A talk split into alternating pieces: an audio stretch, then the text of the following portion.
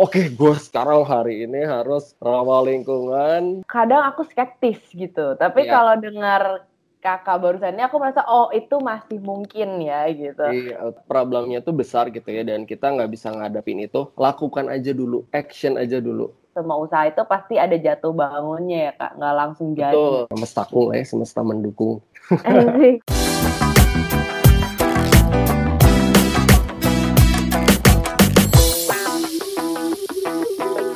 Baik lagi di season 3 episode 2 dan kita kedatangan tamu sangat spesial. Bagi kalian nih yang tertarik dengan entrepreneur, mau jadi pengusaha-usaha muda, CEO-CEO muda, mungkin kita bisa memberikan kalian ide nih bisa mulai dari mana. Bersama dengan Kak Robi dari Mysil Bio. Nah, ayo kita sambut dulu nih. Kak Robi, halo apa kabar? Halo, baik. Ya. Terima kasih nih Baik. udah mau capek-capek bahkan settingin akun Skype-nya lagi demi Oh, iya. Iya, nggak apa-apa. Selamat datang di Discuss Motion. Ini ya, kita terima eh, kasih mau- juga udah mengundang. Ya, kita di sini Discuss Motion tuh pokoknya diskusi aja kak, santai. Dan kita nggak mau menyuruh-nyuruh orang gimana, kita lebih baik merekomendasi dan menginspirasi. Siapa tahu gitu kan kak ya.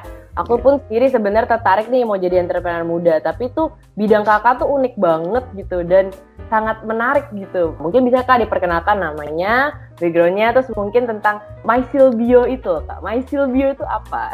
Halo, nama saya Robi Zita Ilman. Saya eh, sama teman-teman dulu waktu di kuliah, bikin usaha lah ya. Dulu awalnya namanya Grow Box. Jadi usahanya jamur, terus habis itu dijual as a gift gitu. Nah, terus habis itu orang numbuhin segala macam lah. Nah, terus habis itu kita riset lagi. Nah, kita ngajak beberapa founder juga untuk eco-founder untuk bikin sesuatu hal yang lebih besar. Nah, akhirnya terbentuklah dulu namanya Mycotech. Myco itu jamur, tech itu teknologi. Jadi kita itu adalah biotech company. Kita memanfaatkan limbah agri waste atau ya pertanian atau yang bentuknya serbuk lah ya, yang substrat gitu. Nah, terus kita pakai teknologi si jamur ini gitu untuk bikin material yang berkelanjutan. Nah, teknologi jamurnya itu apa sih sebenarnya gitu ya? Nah, kita tuh memanfaatkan bukan si tubuh buahnya yang ada cap dan fruiting body-nya, bukan fruiting body-nya, tapi adalah si mycelium-nya. Mycelium tuh apa? Mycelium tuh yang putih-putih kayak di tempe itu loh. Kan ada apa? Kedelai, terus kan dimasukin kayak ragi. Nah, ragi itu sebenarnya itu part of dari mushroom juga. Jadi dia nanti akan berkembang gitu ya, eh, menyelimuti seluruh permukaan. Nah, itu mycelium itu seperti itu teknologinya. Jadi kita biotech company bikin uh, sustainable material. Sekarang dari Mycotech namanya jadi mycl.bio gitu. Itu rebranding kita gitu ya untuk lebih up si brandingnya biar lebih naik dari segi produk dan segala macamnya. Berikut dengan menyebarkan gitu meluaskan si biomaterial ini tuh ke masyarakat luas. Bukan hanya di Indonesia tapi kita pengennya global gitu. Produknya apa aja sih sebenarnya gitu ya. Nah, produknya kita ada dua sekarang. Pertama itu vegan leather. Vegan leather bikin kayak leather, semacam leather gitu ya, tapi dari si mycelium jamur ini. Nah, Hmm. itu tuh eh, kita namainnya mylia. Jadi Oh. mylia, jadi mycelium leather gitu. Kita singkat dari mylia. Itu satu. Yang kedua, Nah, waste-nya dari bikin produk Mylia ini itu ada board gitu. Namanya kita disebutnya Biobo, di Bioboard gitu. Nah, itu ada dua produksi. Yang sekarang yang lagi ada di web store dan segala macam itu kita lagi fokus ke si vegan leather ini atau Mylia ini. Gitu sih, Nia. Oke, keren banget nih. Aku sendiri suka jujur dengan produk leather, tapi memang sekarang udah udah jarang banget setelah mengetahui dan masuk jurusan environmental science. Iya, betul banget. Betul. guilty. Cuman ini vegan leather tuh aku suka ngeliat juga gitu. Misalnya kayak mau belanja di Zalora, terus orang ngomong Ya. vegan leather kan. Ya. Itu sebenarnya kadang aku skeptis gitu. Tapi Ya. kalau dengar kakak barusan ini aku merasa oh itu masih mungkin ya gitu. Iya, betul. Ini menarik banget nih kak. Aku juga sempat lihat dari produk pas di websitenya MySil Bio ini ada bisa jam tangan, bisa jadi iya. sepatu. Sepatu. Iya, yang sepatu tuh keren banget sih kak. Tahu ke kondangan terus kayak leather shoes-nya oke tuh bro. Oh iya, dari jamur gitu kayak. Aku nggak kebayang dari yang putih-putihnya itu. Mungkin kalau Ya. anak-anak IPA nih dan bio dan scientist berdua salah tahu lah ya kira-kira mycelium itu apa. Nah itu aku nggak bisa bayangin itu prosesnya dari itu dijadikan vegan leather dan intinya jebret jadilah suatu bisnis gitu gitu. Iya. Itu sebenarnya kalau aku boleh tanya dulu nih ke awal inspirasinya apa kak? Jadi dulu tuh pertama tuh aku lulus kuliah tuh 2012. Nah dulu tuh mulai happeningnya entrepreneur, hmm. startup di mana-mana kompetisi segala macam gitu ya. Nah dulu waktu di kampus itu ada dari ya salah satu bank uh, nasional. Nah dia bikin kompetisi di kampus. Nah waktu baru lulus itu, adalah kita ikutan. Ternyata dapat gitu, dapat didanain Nah akhirnya kita bikin si grow box itu. Jadi kita beli media tanam jamur dari petani, terus kita packaging lucu gitu. Nah kita jual. Berjalan sekitar 2 tahun. Nah karena kita anaknya tuh suka ngulik gitu ya, suka riset, sering ketemu petani segala macam gitu. Dulu background aku tuh arsitek sebenarnya lulusannya arsitektur. Wow. tiga founder yang lain juga arsitektur, yang satu ekonomi, yang satu uh, lagi yang yang di Mycotech ini. Nah kita ngajak si bio uh, bioteknologi. Nah dari situ kita ngelihat bahwa karena media tanam tuh disusun vertikal gitu ya, kayak kan kalau uh, industri jamur tuh dia indoor dan dia tuh uh, kayak vertical farming gitu jadi ke atas gitu itunya tuh stackable si uh, pertumbuhannya tuh. Terus kita ngeliat eh ini kok kayak bangunan ya gitu bisa dijadiin dinding dan segala macam gitulah. Nah akhirnya kita riset dulu tuh risetnya tuh di kantor kita jadi hasil penjualan gitu ya kita spare 20-30% untuk penelitian gitu untuk riset perusahaan Nah, akhirnya kita coba bikin jamur dari nol segala macam gitu ya dan gagal gitu. Akhirnya kita ketemu sama the profesor gitu di satu acara Bayangin ya, kita diundang konsorsium jamur yang isinya tuh para profesor dan peneliti, sedangkan kita basisnya tuh ya dari startup yang bukan backgroundnya tuh itu gitu dan jadi salah satu panelis juga gitu dan itu ketemu sama profesor segala macam akhirnya oh ini bisa nih ada yang bisa dikerjasamain gitu. Akhirnya kita dapat kerjasama di BPPT di Serpong Nah itu hampir satu setengah tahun kita penelitian, terus habis itu alhamdulillahnya dapat kesempatan penelitian juga di Singapura, di NUS gitu. NUS wow, ada kerja sama sama Swiss. Nah mereka bikin Future City Lab. Nah di situ lagi ngembangin lah, ngembangin segala macam. Nah di situ tuh sebenarnya bikin untuk struktur bangunan penelitian itu struktur bangunan dan akhirnya kita bisa bikin mycotri dan di exhibition di Korea di Seoul dulu 2017 nah dari situ lumayan booming lah setelah pulang kita lanjut lagi penelitian uh, sendiri karena ya udah lumayan ada fasilitas lah ya Nah, terus kita menemukan si leather itu gitu. Nah, akhirnya dari situ coba tes-tes market gitu ya, mana yang lebih cepet yang mana nih? Yang si as a building block atau yang leather. Ternyata yang leather tuh lagi happening juga gitu ya dan lebih hmm. bisa impactful lah gitu. Untuk yang sekarang impactfulnya selain dari environment dan segala macamnya impactfulnya ke company juga gitu. Karena lebih cepat penyerapannya gitu ke market. Nah, akhirnya kita fokusin ke sana si building blocknya kita jadiin dulu kayak papan gitu kayak papan triplek as an interior part gitu bukan sebagai structural. Karena itu penelitiannya butuh gitu ya dan karena kita company bukan lembaga riset jadi kita harus memikirkan gimana caranya produk apa dulu gitu yang difokuskan gitu. Betul betul. Luar jadi kalau jalanannya Uh, aku bener biasa inspirasi kayak bukan maksudnya materialnya sendiri saja sudah menginspirasi. Ini ternyata perlu ditekankan lagi kalau semua usaha itu pasti ada jatuh bangunnya ya kak. Nggak langsung jadi. Betul betul betul betul banget. Jadi kalau nah yang kita pelajarin itu ya sampai selama ini tuh kadang-kadang tuh kayak kita kalau misalnya udah niatnya baik kita dengan cara yang baik. Nah kalau kita beneran dan uh, bisa valuable juga bisa sustainable juga as uh, nggak cuman di lingkungan tapi as ekonomiknya juga gitu ya jadi seimbang Nah itu pasti semesta tuh mendukung. Misalnya, wah lagi susah pas segala macam, eh ketemu sama siapa, kita bisa riset ke di Singapura gitu. Terus misalnya kita pengen ngetes ini tes buat apa gitu ya. Terus kita ada kenalan di Australia e, ngebantu untuk ngetesin gitu. Jadi kita banyak dibantu gitu lah ya, sama semesta gitu ya mestakung lah ya semesta mendukung oh ternyata itu singkatannya Oke deh, wah ini luar biasa banget ya kak. Bener-bener memang pokoknya kembali lagi seperti tadi kak Robi bilang, kalau udah ada niat baik pasti ada aja jalannya gitu ya kayak. Ya. Nah, aku mau nanya-nanya nih Boleh. Ya, untuk podcast kali ini. Nah, mungkin mulai dari basicnya dulu nih kak untuk karena kan ini dalam rangka perayaan Hari Bumi Sedunia gitu, Earth Day nih. Aku mau menanyakan dulu nih, kita mau mengambil topik yaitu inovasi di material sebagai alternatif yang lebih eco-friendly gitu ya kan Kak. Dan juga kalau yang kita mau ambil juga untuk besok tuh temanya memaknai Hari Bumi dengan kreatif oh, okay. dan arif gitu kan. oh, kan. Banget ya. Arif. ya harus dong, karena inovasi alternatif material produk yang lebih eco-friendly itu itu suatu yang bakal penting di masa depan karena kan sekarang banyak nih kak booming plastik ya. lah, paper lah itu kan tidak ramah lingkungan. Nah kita mau nanya untuk pertanyaan pertama, apa yang membedakan produk yang terbuat dari bahan ramah lingkungan dan tidak ramah lingkungan gitu? Terus uh. mungkin pro kontranya apalah dibanding pada umumnya uh, Oke, okay. ini di ini dengan si ini MYCL.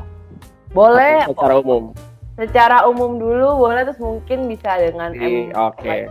contohnya kalau sekarang itu tuh sebenarnya kalau yang kita lihat yang paling utama itu adalah di penggunaan plastik di bahan baku produknya. Jadi kita menghindari itu kayak semacam misalnya kain tuh ada poliuretan. Nah, itu kan biar banyak tuh masuk jadi benang, jadi segala macam gitu. Nah, kita pun beberapa part menghindari itu. Jadi ada beberapa yang kita misalnya uh, jadi pelapisnya lagi pas segala macam itu kita menghindari itu dan kalau misalnya di perusahaan pun kita menerapkan misalnya kalau harus bawa botol minum sendiri tapi yang terbuat dari misalnya metal gitu yang bisa dipakai ulang gitu. Jadi jangan uh, pakai yang misalnya plastik di kita juga udah coba pilah sampah dari mulai sampah solid gitu ya terus yang cairnya juga gitu kita bahkan cek gitu ya kandungan yang ada di produksi kita tuh apa aja nah kita nanti kita lihat coba untuk misalnya kalau ada yang di atas ambang batas Nah kan kalau di setiap part tuh ada ambang batasnya tuh. Nah yang berdampak jelek terhadap lingkungan. Nah kalau misalnya melebihi itu kita coba cari alternatif lagi yang lain. Tapi sejauh ini sih di masih di bawah ambang batas.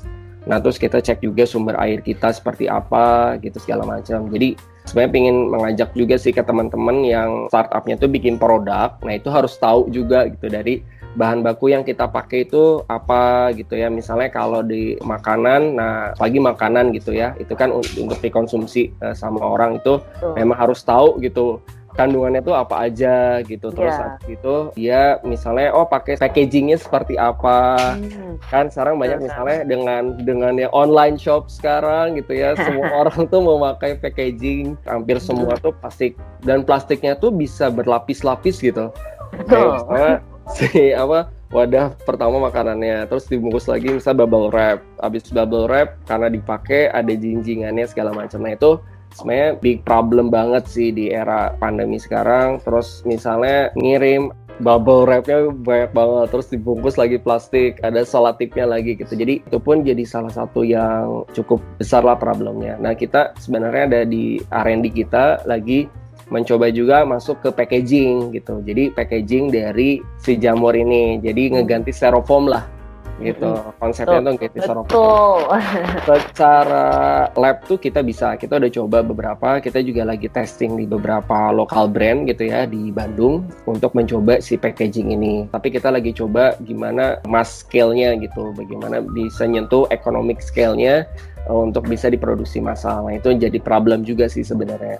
Kalau dari segi kualitas tuh, jadi yang kerennya adalah kita misalnya datang nih barang, habis itu udah uh, kita buka, styrofoam tuh kan bisa hidup 1000 5000 tahun ya. Eh maksudnya yeah. tidak bisa degradable gitu. Yeah. Nah, ini tuh bisa ke degradable dalam waktu sebulan. Jadi wow. dipotek-potek-potek, masukin ke tanah, itu dia akan ke degradable, bahkan akan menyuburkan si tanahnya. Karena mushroom itu tuh misalnya dia bisa simbiosis mutualisme dengan tumbuhan. Nah, itu sih. Nah, kita juga kalau melihat misalnya di produk ramah lingkungan lain tuh dilihat aja yang dari sehari-hari kita gitu. Sehari-hari kita misalnya kita coba aja dikurangin sih sebenarnya karena kan susah ya kalau misalnya semuanya oke okay, gue sekarang hari ini harus ramah lingkungan misalnya stop seluruh yang itu. Nah itu sebenarnya nggak bisa gitu juga karena environmentnya masih belum banyak alternatif dan segala macam gitu ya. Kita coba kurangin dulu yang biasa misalnya ke supermarket atau ke minimarket kita ya kita bawa kantong sendiri gitu. Kan itu banyak juga tuh kayak teman-teman jadi generation gitu ya. Bikin kampanye itu gitu itu udah bagus banget tuh untuk mengurangi plastik. Terus misalnya kalau beli sesuatu barang tuh yang memang bisa digunakan kembali gitu, tidak sekali pakai. Misalnya sekarang karena pakai masker nih gitu, kalau bisa beli yang memang masker kain yang bagus gitu ya kan, yang stylish atau kalau teman-teman misalnya Gen Z sekarang misalnya fashionable segala macam ya, itu banyak kok gitu yang sekarang. Atau misalnya bisa bikin sendiri gitu dari beli kain yang bagus gitu ya. Bisa dibikin motif dibikin apa. Itu juga bisa jadi ide bisnis bagus sih gitu. Karena sekarang juga masker mulai, jamur ya? oke okay juga nih kak. Masker jamur ya. Kalau lapar nanti tinggal makan. Aduh ini jadi keripik. Ya ya ya ya seperti itulah gitu. Jadi inovasinya jangan jangan pakai lagi masker yang sekali pakai gitu. Karena kan itu banyak banget ya itu problem banget loh di di kayak iya. teman-teman ya. yang di TPS itu atau di TPL tuh itu tuh luar biasa banget itu dan itu jadi salah satu masalah juga karena susah juga gitu ke degradable-nya tuh susah dan harus kalau pakai incinerator segala macam itu lumayan mahal dan lebih baik dari penggunanya gitu kita mengurangi dengan menggunakan masker yang lebih bisa dipakai kembali. Nah, kalau gitu nih Kak, aku tadi udah dengerin DKK nih kan salah satu contohnya juga potensi dari miselium itu sendiri dari jamur. Terus memang misalnya itu juga apalagi degradable di ya. tanah yeah. tapi bisa menyuburkan juga itu kan udah win-win banget dan nilai ya. plusnya yeah. makin plus lagi.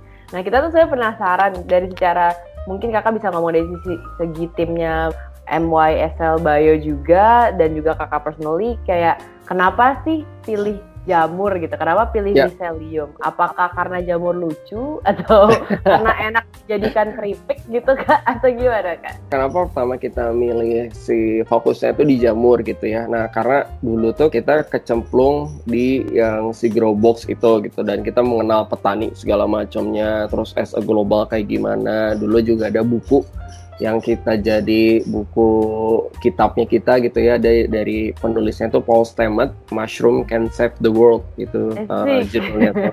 Keren banget. kan gitu ya Mushroom Can Save the World. Jadi dari situ nah bukunya tuh menarik banget. Jadi si jamur ini tuh kayak semacam tanaman perintis. Contoh misalnya dulu di Chernobyl yang nuklir itu. Nah di itu jamur tuh ada yang bisa tumbuh duluan di situ untuk ngebangun ekosistem. Terus habis gitu di uh, oil oil tank mereka yang misalnya tumpah di laut gitu ya. Nah, jamur tuh ada beberapa yang bisa nyedot si tumpahan olinya itu. Karena jamur tuh varietasnya tuh banyak banget ya, terbesar kedua setelah serangga dan dia bukan termasuk tumbuhan, bukan termasuk hewan gitu. Nah, mm-hmm. ada yang edible, ada yang beracun segala macam itu mm-hmm. dan banyak sih banyak lah yang bisa dieksplor. Nah, dari situ karena lihat potensinya besar banget, senang sih meneliti ke sana dan ternyata produknya juga wah luar biasa juga kita juga kaget mm. gitu. Oh, kok bisa jadi kayak gini?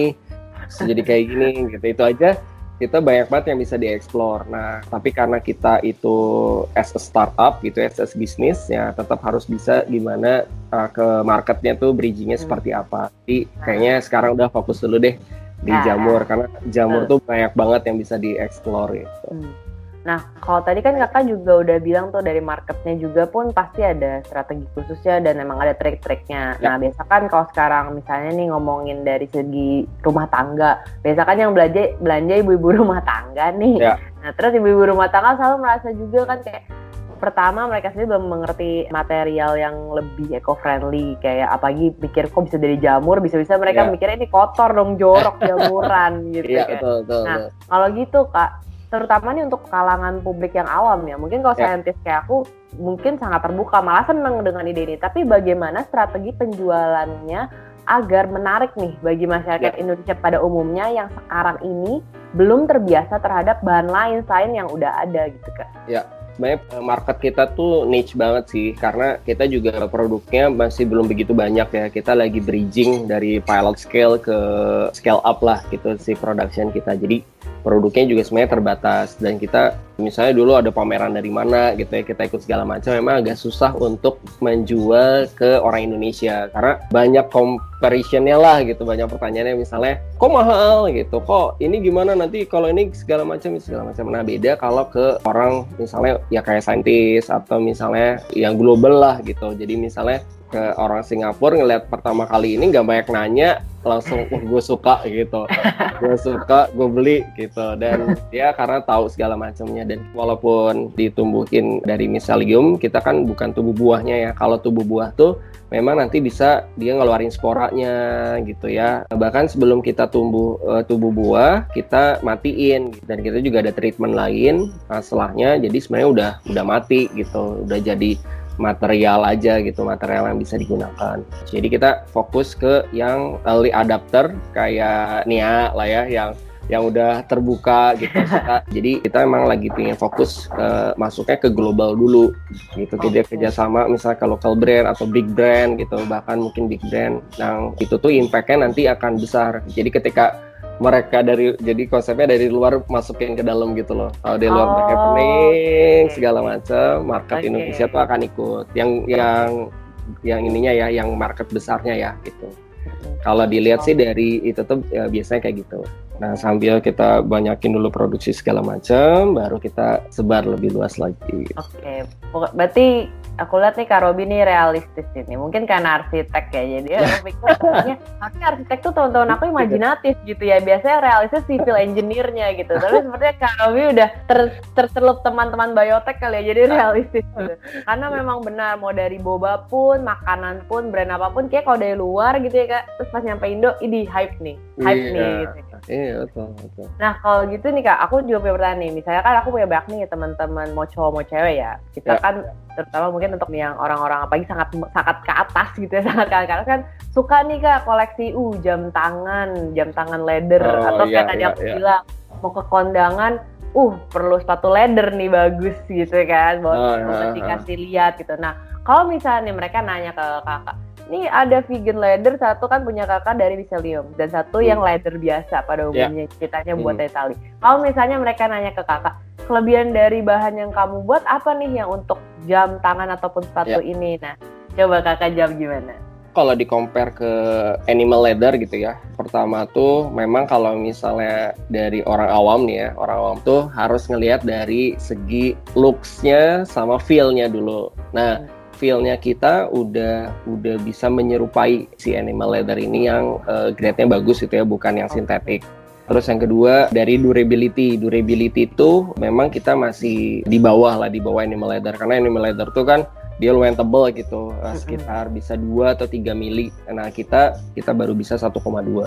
Tapi dari looks, dari feel itu udah udah oke okay banget. Terus habis itu kita masuk dari proses pembuatan. Nah, proses pembuatannya itu kalau misalnya orangnya terbuka terhadap misal lingkungan gitu ya kayak Nia dan teman-teman segala macam, kita bisa compare penggunaan air selama sapi itu tumbuh dengan menumbuhkan si misalium leather ini itu jauh banget. Pertama, sapi itu dari lahir gitu ya itu harus membutuhkan waktu 4 tahun.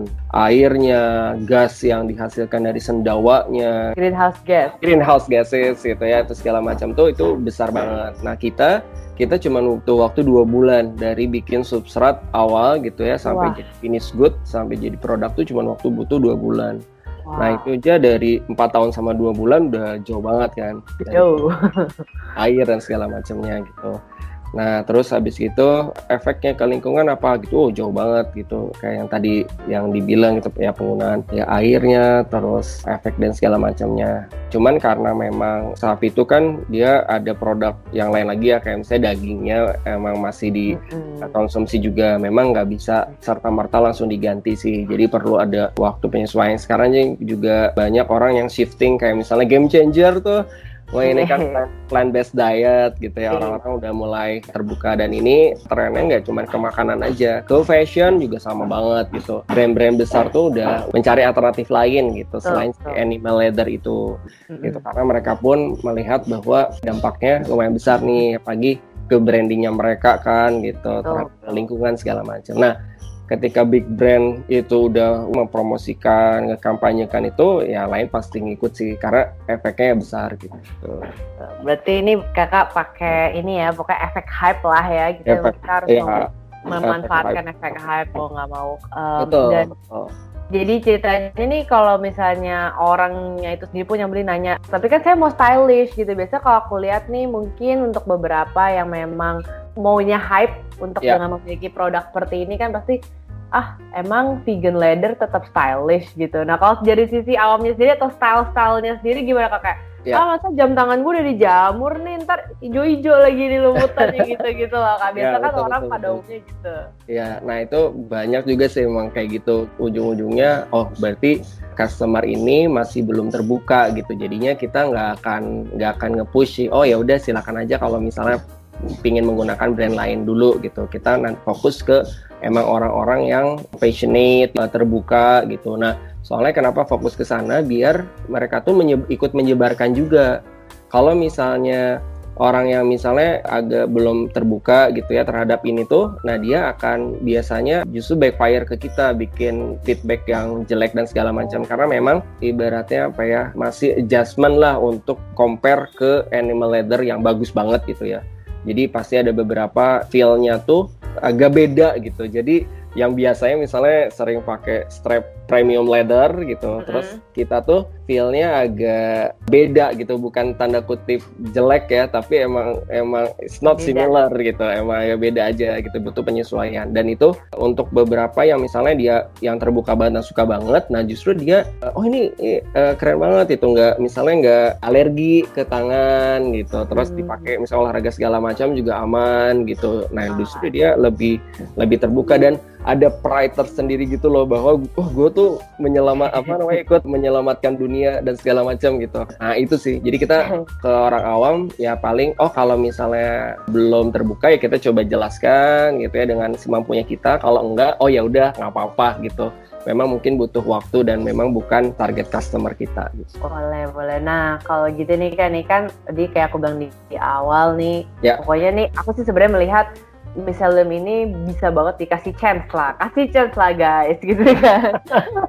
Dan sebenarnya kan zaman sekarang mungkin kalau juga kembali lagi ngomong di kalangan publik ada kalangan milenial kan kita suka hal-hal anti mainstream yang hype juga, inovatif dan sekarang kan seperti aku bilang banyak muncul entrepreneur entrepreneur muda nih karena kan Hmm. apalagi semakin banyak kelompok-kelompok kreatif muda dan mau memajukan UMKM local brand utamanya Ya. gitu kan yang lagi hype.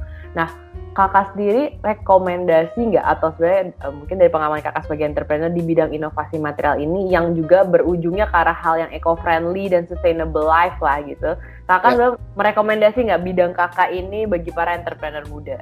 Oh iya, sangat sangat. Ya, bahkan bukan cuman bidang bidang yang biotech ini ya. Jadi misalnya yang lain-lain pun bidang energi contohnya. Ya energi itu kan banyak ya. Kayak misalnya listrik, air gitu. Itu harus gitu. Kenapa harus? Karena itu adalah kita tuh populasi ketiga terbesar di Asia gitu ya. Bahkan di dunia pun kita big five lah. Nah itu tuh problem masyarakat yang kebutuhan sehari-hari itu jadi problem dasar banget gitu di di penduduk kita. Jadi kayak energi yang terbarukan itu harus sudah mulai karena kita tuh secara geografis diuntungkan. Jadi teman-teman misalnya yang lulusan elektro lah, mesin, fisika gitu itu bisa gitu mengembangkan startup yang berbasisnya eh, teknologi untuk ke bidang energi. Misalnya air gitu. Bayangin ya, mungkin zaman orang tua kita dulu, nenek kita dulu mudah gitu cari air nggak harus ada PDAM segala macam. Sekarang kan harus ada PDAM-nya pengolahannya gitu. Terus Betul. air di masalah banget. Gimana di atas 2050 2075 gitu ya. Gimana generasi di bawah kita mereka akan kesusahan mencari air bersih gitu makanan akses segala macam. Nah itu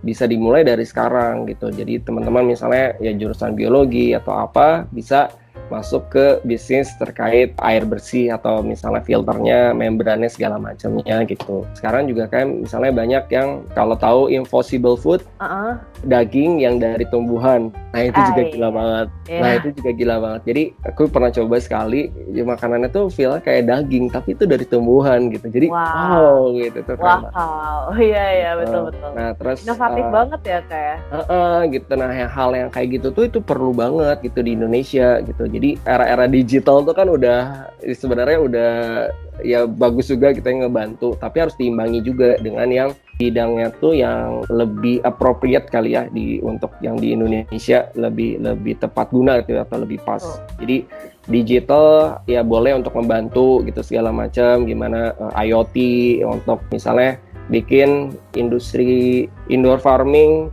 precision farming gitu misalnya. Itu kan? Mesin elektro gitu. Untuk bikin lebih presisi ngebantu petani yang lebih efisien. Itu banyak banget sih. Masuk biotech ya kayak ya? biotech termasuk biotech, biotech. Iya aksesnya gimana gitu ya? Cara cara memulainya banyak banget kayak incubator gitu ya terus kompetisi-kompetisi yang bisa diikutin gitu. Yang penting ikutan aja dulu gitu.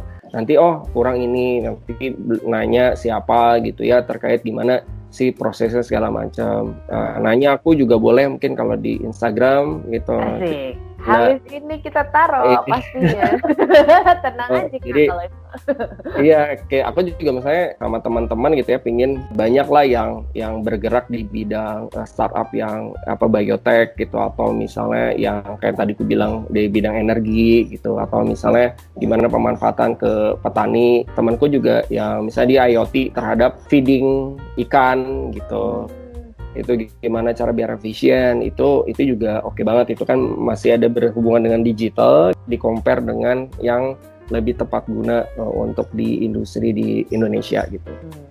Berarti ini cara pemikiran kakak dan teman-teman tadi itu memang unpopular ya kayak ya? kayak aku mulai sekarang yeah. ini banyak banget menemukan ternyata dari imajinasi pun maksudnya bukan imajinasi lah mau yang inovasi yang mungkin kadang idenya ih aneh banget deh. Ih nggak mungkin gitu. Sekarang tuh makin ke sini kayak kakak bilang gitu. Makin banyak juga sih sebenarnya. Dan kayak contohnya dari kakak ini misalnya bisa jadi vegan leader tuh. Aku kayak sebenarnya pikiran masih what? How? gitu. Terus juga ada juga aku pernah ketemu misalnya kalau kakak tadi bilang energi ternyata mikrobiologi pun bisa jadi energi. Itu yeah. kayak wow banget. Dan tadi yang kakak bilang plant based food tadi tetap rasa daging tapi bukan daging. Itu kayak wah itu luar biasa banget. Dan mungkin anak-anak muda, teman-teman kita yang milenial, bahkan maupun orang tuanya pun nggak masalah yang mendengarkan ini bisa mungkin lebih melatih sisi kreatifnya lagi gitu ya kayak di sini ya, kan betul. sepertinya umur itu hanyalah angka mungkin betul. bagi yang udah tua mau menginvestasi untuk yang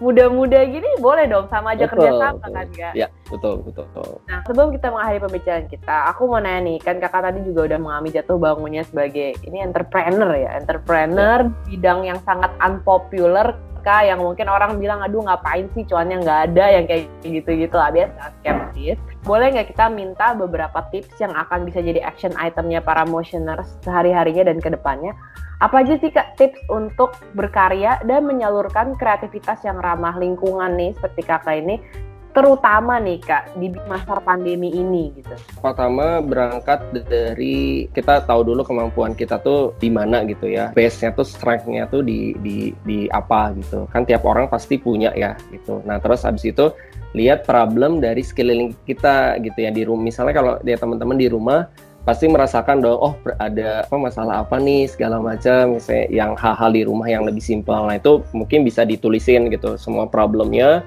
tulisin nah nanti dibuletin misalnya yang kira-kira masuk ke strengthnya kita gitu. Misalnya contoh oh ada masalah di sampah gitu sampah yang tadi sampah ada sampah makanan kan ada sampah juga yang plastik. Nah itu gimana? Apakah misalnya kita punya ya di penelitian di kampus lah ya atau di mana oh ternyata bisa mengubah plastik yang tadinya degradable-nya lama jadi itu. Nah itu mungkin kalau misalnya harus ke lab dan segala macam ya mungkin agak susah atau mungkin yang bisa dilakukan kecil di rumah gitu. Atau misalnya ke basisnya ngebantu teman-teman misalnya ke petani yang bisa dibikinkan yang tadi precision farming dan segala macam gitu. Jadi berangkatlah dari problem problemnya tuh apa aja dan solusi apa yang kita bisa berikan terhadap problem itu semakin besar memang problemnya, semakin impactnya pun besar gitu. Karena mm -hmm. intinya kan kalau sekarang itu apalagi di startup segala macam, impact itu tuh selalu ditanya sama misalnya juri di kompetisi gitu ya, atau misalnya investor gitu. Nggak cuman valuable secara cash flow gitu segala macam, tapi impact terhadap sosial atau lingkungan itu pun jadi sering yang ditanya. Kamu tuh menyentuh big problem gak sih atau cuman permukaannya oh, aja? Oke okay, oke. Okay berarti start, uh, start from that. Hmm. Berarti kalau aku bisa summarize kalau kata bilang semacam mengenal diri sendiri dulu kemampuannya apa, kemudian yeah. di sekitar kitanya sendiri pun lingkungan kita sendiri, lingkungan keluarga, lingkungan rumah, apa pun itu dari sekitar kita dulu tuh tahu masalahnya apa gitu. Karena kembali lagi kalau tadi ada tips kayak ada tips entrepreneur tuh kan, tips startup gitu, yaitu harus tahu impactnya apa gitu ke iya, masyarakat betul. lebih luas dan terutama mungkin untuk isu-isu global ya, isu-isu yang memang lumayan yeah. besar kayak mungkin kesehatan, edukasi dan kalau di sini ngomongnya berarti tentang lingkungan, lingkungan hidup yeah. dan environment. Hai semua, kali ini Motion for Nature kembali menggalang dana bersama benihbaik.com untuk ASTI, Animal Sanctuary Trust Indonesia, yang merupakan pusat rehabilitasi satwa-satwa liar yang berlokasi di Bogor. Kenapa? Karena mereka membutuhkan bantuan kita untuk merenovasi kandang-kandang mereka yang sudah mulai lapuk. Yuk berdonasi! Bagi yang membutuhkan informasi lebih lanjut dan juga untuk berdonasi, langsung aja ke link bio di Instagram kita, pilih Asti Donation Campaign. Atau kalian juga bisa search One Act Giant Impact atau Motion for Nature di benihbaik.com dan langsung akan menunjukkan ke webpage donasi kita. Terima kasih satu lagi yang, satu lagi nih oh boleh boleh. Jadi boleh kalau misalnya ternyata problemnya tuh besar gitu ya dan kita nggak bisa ngadapin itu lakukan aja dulu action aja dulu. Jadi action itu tuh penting. Jadi start from small gitu ya. Solution tuh ketemu kalau kita emang lagi melakukan sesuatu. Nanti ketemu orang diskusi ngobrol segala macam makin dalam segala macam. Terus ketemu the right partner gitu ya untuk menjalankan itu tuh itu itu pun sulit gitu. Jadi karena kita membangun company itu nggak bisa sendiri. We have to build the the best team, the strong team gitu untuk bikin ini tuh growth-nya tuh bagus. Gitu. Setuju banget. Jadi kita hari ini udah mengupas dua hal isu besar yang pada umumnya lagi hype, yaitu lingkungan hidup dan entrepreneurship. Ini luar biasa banget.